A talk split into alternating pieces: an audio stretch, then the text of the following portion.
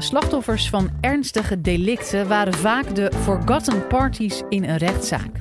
Maar een aantal jaar geleden kregen slachtoffers dan toch eindelijk het recht om hun verhaal te doen. Tegelijkertijd werd ook wel gevreesd voor Amerikaanse toestanden, zoals het opspelen van emoties en beïnvloeding van de rechter.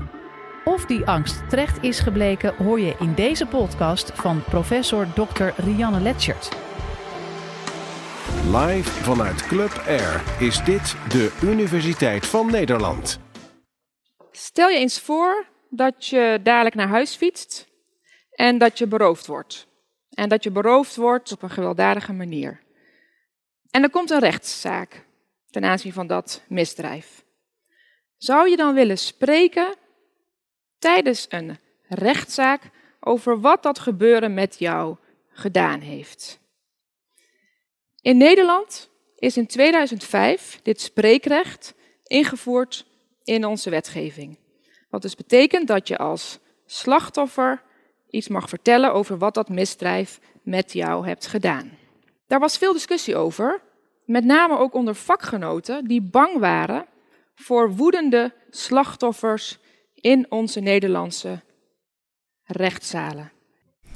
Op grond van het voorstaande en gelet op de straffen die doorgaans voor soortgelijke gevallen worden opgelegd, is de rechtbank van oordeel dat aan verdachte een onvoorwaardelijke taakstraf voor de duur van 120 uur, subsidiair 60 dagen hechtenis, dient te worden opgelegd.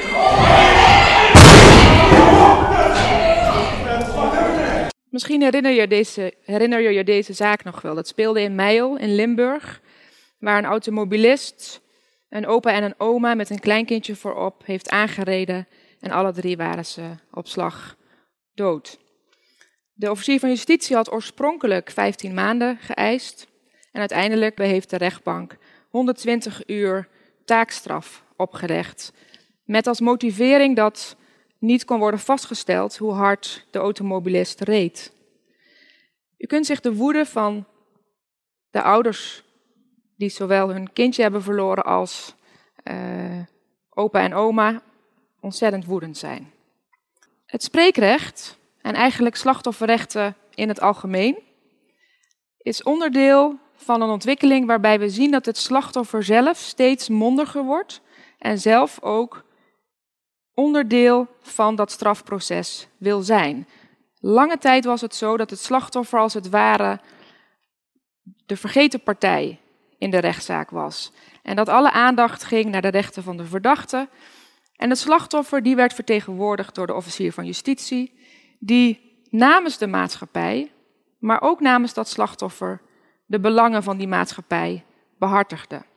We zien dat tegenwoordig dat niet meer zo werkt. Het slachtoffer heeft in ons wetboek van strafrecht allerlei slachtofferrechten waar die aanspraak op kan maken. En ook de politiek heeft het slachtoffer ontdekt en roept om meer aandacht voor dat slachtoffer. Dat is belangrijk omdat we vanuit onderzoek weten dat die erkenning van het slachtofferschap en zelf ook inspraak hebben in die rechtszaak, die uiteindelijk gaat over iets wat jou is overkomen, een positieve werking kan hebben op jouw herstel. Waarom was het dan toch zo lastig om dat spreekrecht, dat voorbeeld wil ik nog even blijven noemen, in onze Nederlandse wet geïmplementeerd te krijgen? Dat had te maken met de angst die er speelde dat door het toelaten van die slachtoffer op die, uh, op die rechtszitting we emotionele en woedende taferelen zouden krijgen. Wat we namelijk gemerkt hebben sinds de invoering van het spreekrecht, is dat het helemaal niet heeft geleid tot allerlei emoties, onredelijke slachtoffers die stoelen naar een rechter gooien. Die vakgenoten waar ik net over had, die dat spreekrecht lastig vonden, waren ook bang dat het de balans tussen de rechten van de verdachte en de rechten van het slachtoffer in gevaar zou brengen. Een verdachte is onschuldig tot het tegendeel bewezen is. Als een slachtoffer tijdens een rechtszitting zou gaan spreken over wat het met hem of haar gedaan heeft, dan zou dat vast tot hogere straffen gaan leiden. Dat was de verwachting. Niets is minder waar. We hebben onderzoek gedaan We hebben ongeveer 42 rechtszittingen bijgewoond. We hebben slachtoffers geïnterviewd. We hebben strafdossiers met elkaar vergeleken met soortgelijke delicten voor de invoering van het spreekrecht en na de invoering van dat spreekrecht, om te zien of die rechters inderdaad hoger zijn gaan straffen. Dat blijkt niet uit ons onderzoek. Dus de, het slachtoffer in de rechtszaal die vertelt wat het misdrijf met hem of haar gedaan heeft, heeft geen invloed gehad op de hoogte van de straf. Het spreekrecht werd ook gelegitimeerd vanuit het idee dat het een positieve werking voor het herstel van het slachtoffer zou hebben. Daar moeten we voorzichtiger in zijn. Wat ons onderzoek heeft laten zien, is dat het geen negatieve effecten heeft, in de zin dat het extra traumatiserend werkt. Maar we hebben ook geen hele grote invloeden gezien van een positieve weergave op dat herstel. En dat heeft ermee te maken dat een rechtbank geen therapeutische omgeving is. Het blijft een rechtbank waarin jij gaat praten over dat misdrijf wat jou overkomen is. Dus het is niet zo wat we in het Engels zeggen, a day in court leads to closure. Dat zou echt veel te ver gezegd zijn als we dat zouden, uh, zouden stellen. Maar die erkenning dat jij dus mag spreken in jouw eigen zaak is wel ontzettend belangrijk en geeft slachtoffers ook kracht. Wat houdt dat spreekrecht nou precies in? Juridisch ook. Dat is vrij uh, gelimiteerd. Het gaat alleen over ernstige delicten. Dus als je fiets wordt gestolen, krijg je geen spreekrecht. Maar als je met ernstig geweld uh, mishandeld wordt, dan wel. Of als je bijvoorbeeld je partner verliest door moord. Dan heb je recht om van dat spreekrecht gebruik te maken. En dus ook de nabestaanden. In totaal vier nabestaanden mogen gebruik maken van dat spreekrecht.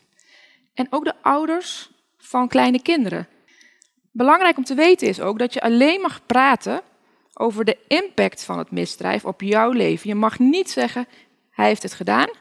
En ik wil ook nog eens dat jij levenslang krijgt op water en brood. En je mag ook geen feitelijkheden zeggen van het was toen en toen en het was zo laat. En het, dus zeg maar dat je uiteindelijk um, buiten de impact van het misdrijf op jouzelf gaat. Maar wat gebeurt er dan als je dat doet? dan ben je een getuige. Nou blijkt uit het onderzoek waar ik het net over had, dat vaak slachtoffers toch verder gaan dan alleen maar vertellen wat de impact van het misdrijf was.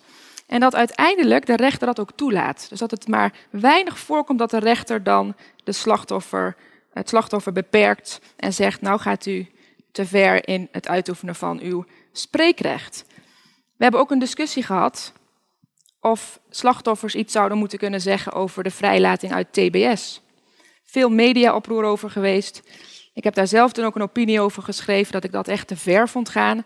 Dat, is een medische beslissing waarin eh, medici bepalen of iemand uit de TBS moet worden gelaten. Daar moet je slachtoffers, mijn zinziens, geen inspraak over geven. Overigens ligt er nu ook een wetsvoorstel bij de Eerste Kamer die een onbeperkt spreekrecht wil toestaan. Mede ook gezien de ervaringen dat vaak slachtoffers toch meer zeggen dan eigenlijk nu mag. Dus waarom zouden we dat dan toch niet al wettelijk verankeren? Naast dat spreekrecht hebben slachtoffers ook andere rechten. Denk aan het recht op informatie. Informatie over wanneer begint een strafzaak klinkt heel simpel, maar vrij belangrijk als jij het wil bijwonen. Maar het gaat ook over informatie over hoe jij een schadeclaim mag indienen. Of informatie over de vrijlating van inmiddels een veroordeelde. Ook dat soort rechten zijn vastgelegd in ons wetboek van strafvordering. Compensatie heb ik al genoemd. Een slachtoffer heeft recht om in het strafproces een claim tot schadevergoeding in te dienen. Waarbij we in Nederland een vrij unieke regeling hebben dat wij vanuit de staat een voorschot op een eventuele uh, schadeclaim betalen, zodat het slachtoffer niet hoeft te wachten tot de dader eventueel gaat betalen. Dus de staat schiet dat voor. Ander belangrijk slachtofferrecht is het recht op psychosociale hulp.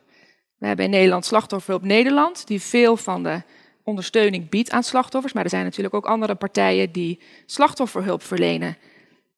Het is een grote mythe om te denken dat alle slachtoffers professionele hulp nodig hebben. Het merendeel van de slachtoffers is wat wij noemen zelfredzaam. En dat betekent dat ze door middel van hun eigen sociale netwerken uiteindelijk het misdrijf kunnen verwerken en daar geen professionele hulp voor nodig hebben. Waarom zijn al dit soort rechten nou zo belangrijk? Dat heeft te maken met wat we noemen de theorie van de procedurele rechtvaardigheid. Een andere hardnekkige mythe is dat het slachtoffers alleen maar om de uitkomst te doen is en om de hoogte van bijvoorbeeld een schadevergoeding. Uit ons onderzoek blijkt dat het voor slachtoffers heel belangrijk is hoe ze tijdens het proces bejegend worden en of ze daar met respect erkend worden. En dat dat vaak belangrijker is dan wat er uiteindelijk uit een procedure komt. Heeft dat spreekrecht? Daar begon ik mijn college mee. Nou, tot die emotionele taferelen geleid? Nee. De filmpjes die we soms ook zien van Amerikaanse rechtbanken, waar we juryrechtspraak hebben, waar vaak woedende statements worden geuit, hebben we in Nederland niet gekregen. Betekent dat dat het positief is dat we dat spreekrecht hebben gekregen? Ik denk zeker van wel. Ik denk zeker dat het een belangrijke bijdrage heeft geleverd tot de erkenning van slachtofferschap. Dat je ook ten overstaan van die rechtbank mag zeggen wat het misdrijf met jou gedaan heeft.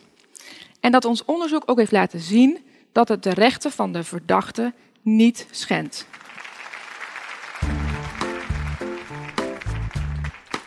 Dit was de Universiteit van Nederland. Wil je nou nog meer afleveringen beluisteren?